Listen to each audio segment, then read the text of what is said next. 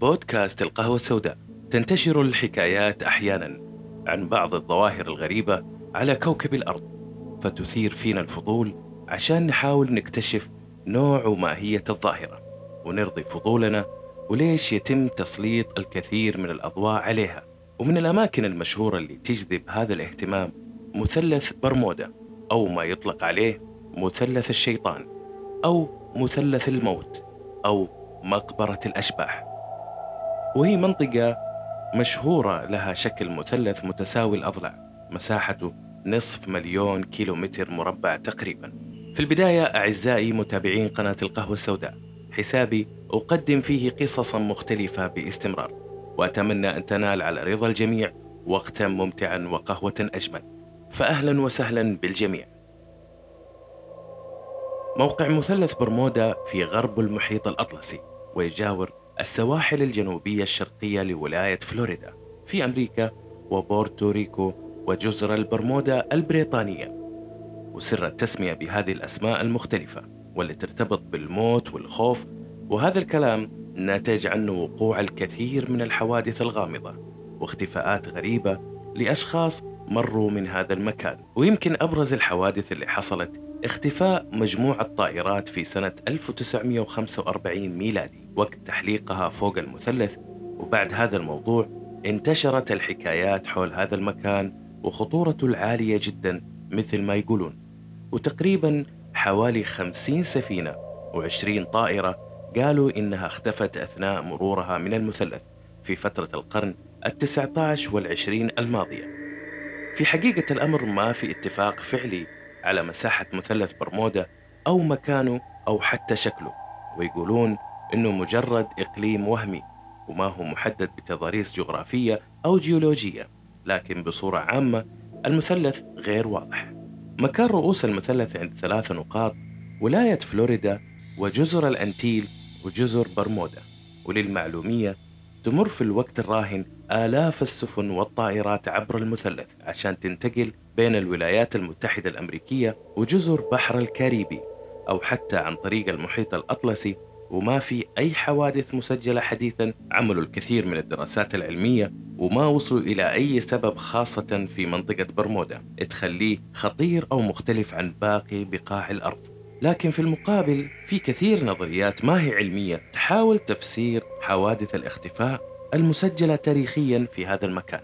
من حوادث مثلث برمودا الأولى يقولون أنه سفينة روزالي فرنسية اختفت في عام 1840 ميلادي لما كانت تعبر المنطقة ولما أرسلوا فريق الإنقاذ ما لقوا أي أثر لأي فرد من الطاقم اللي كانوا على متن السفينة. لكن الغريب أن السفينة كانت سليمة وفارغة تماما ما عدا قفص لطائر كان نوعه كناري وكان وحيد داخل هذه السفينة. كذلك من حوادث الاختفاءات التاريخية اللي في البدايات كانت سفينة أمريكية واسمها إلين أوستون واللي أبحرت واختفت في تاريخ 20 يوليو سنة 1860 ميلادي. وفي أقاويل تقول إنها ظهرت أكثر من مرة وهي فاضية ما فيها ركاب أو كان على متنها طاقم جديد بالكامل. غير طاقمها الأصلي إلا أن السجلات الرسمية للسفينة ما ثبتت وقوع أي حادث اختفاء عليها. وكمان وقعت واحدة من أشهر الحوادث في الاختفاء في مثلث برمودا سنة 1945 ميلادي. اختفت خمس طائرات أمريكية وكان الطيار القائد للسرب قبل ما يختفي بفترة بسيطة أرسل رسالة تحذيرية إلى تعطل في البوصلة وكمان حدوث اختلالات في أجهزة الطيران. وأعلن أنه ظل طريقه وكان سرب الطيران اللي اختفى في الحادثة والمشهور باسم السرب رقم 19 في مهمة تدريبية ميدانية تابعة للقوات الجوية الأمريكية اللي حلقت الطائرات الخمس في صباح 5 ديسمبر يعني بعد انتهاء الحرب العالمية الثانية بأشهر وكان على متنها 14 طيار. مهمتهم يتدربون على كيفية قذف القنابل المتفجرة وكان مخطط الطائرات إنها تقلع خمس طائرات من مطار عسكري في جزر البهاما وتحلق عبر المحيط لولاية فلوريدا الأمريكية. وبعد كذا العودة مرة ثانية في نفس الاتجاه. وصلت الطائرات بسلامة إلى فلوريدا وعبت الوقود ورجعت أقلعت إلى البهاما. وقتها أعد على أول إقلاع لها 90 دقيقة تقريبا. ولما رسل قائد السرب رسالة يقول فيها إنه ما عاد يقدر يحدد مكانه واتجاهه وخلال فترة بسيطة من الإرسال عاصفة غير متوقعة خلت الظروف الجوية والملاحية سيئة جدا. كان قائد السرب اسمه تشارلز تايلور وجه الطيارين المرافقين معه لمكان في وسط المحيط واللي حصل بعد كذا ما هو معروف بشكل دقيق لأن ما عثروا على حطام أو جثث لكن الاحتمال الافتراضي أن وقود الطائرة نفذ وإنها سقطت وتحطمت في مياه البحر والأدهى والمستغرب من اللي حصل إنه بعد اختفاء السرب مباشرة أرسلوا طائرتين للاستطلاع من طراز ماريز للبحث وتمشيط المنطقة للسرب. يمكن يلاقون أثر أو شيء يدلهم لكن أثناء عملية البحث اختفت الطيارتين وبعدها بفترة لقوا فقط بقايا وقود في البحر ولم يتم العثور على الطائرتين الاستطلاعية نهائيا واللي كان على متنها 13 رجل وكان البحث عن هذه الطائرات واحدة من أكبر عمليات الإنقاذ في التاريخ. شاركت فيها 248 طائرة في الجو و18 سفينة في البحر. وفي مارس سنة 1918 ميلادي اختفت ناقلة نفط أمريكية عملاقة وقت إبحارها عبر مثلث برمودا وكانت تقل على متنها 309 من أفراد الطاقم وكمان تحمل على متنها آلاف الأطنان من خام المنغنيز أثناء رحلتها بين البرازيل والولايات المتحدة الأمريكية. والعجيب والغريب ما لقوا حطام لها وما أرسلت أبدا إشارة استغاثة وما في أحد يستجيب على متنها لمكالمات الراديو من السفن القريبة. طيب إيش هي النظريات اللي ممكن تفسر حالات الاختفاء في مثلث برمودا على مر القرنين التسعة عشر والعشرين؟ يعني خلال 200 سنة تقريبا تم تسجيل حوالي 70 حادثة اختفاء في منطقة مثلث برمودا 50 منها فقط لطائرات كانت تحلق جوا و20 لسفن كانت تبحر عبر المحيط.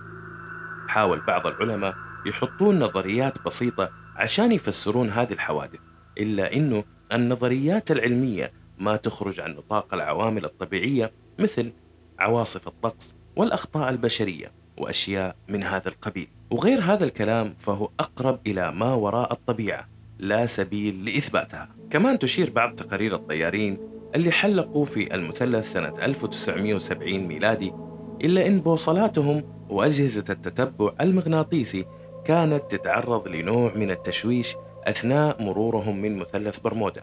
وكثير قصص تشير إلى نفس الظاهرة وهي انحراف البوصلة عن مسارها الأصلي.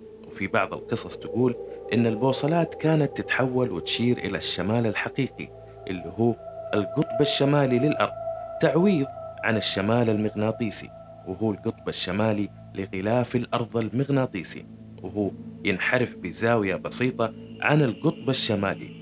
ولو كان هذا الموضوع حقيقي راح يفسر انحراف الطائرات والسفن عن مساراتها إلا أنه الدراسات العلمية تثبت عدم صحة هذه النظرية لأن المجال المغناطيسي في منطقة برمودا عادي جدا ولو كانت السفن والطائرات تظل طريقها يكون السبب أخطاء ملاحية بشرية وكمان تقول نظريات ثانية أنه منطقة برمودا تخضع لكثير من التقلبات الجوية مقارنة بغيرها من المعتاد. وإن دايم تجيها عواصف قصيرة وقوية جدا تتكون بشكل مفاجئ بمعنى ما تعطي دوائر للأرصاد الفرصة لتحذير الطائرات والسفن من الإقلاع. كذلك فيها كثير من الدوامات المائية بمقدورها تدمير السفن بسهولة نسبيا. كذلك موضوع الزلازل شائع نسبيا في قاع المحيط بمثلث برمودا وهذا ينتج عنه اضطرابات في مياه البحر. وبالنسبة لتضاريس المنطقة تمثل كثير من الأخاديد العميقة جدا واللي تصل إلى عدة كيلومترات تحت مستوى سطح الأرض. وهذا الشيء يخلي استرجاع حطام السفن والطائرات شبه مستحيل.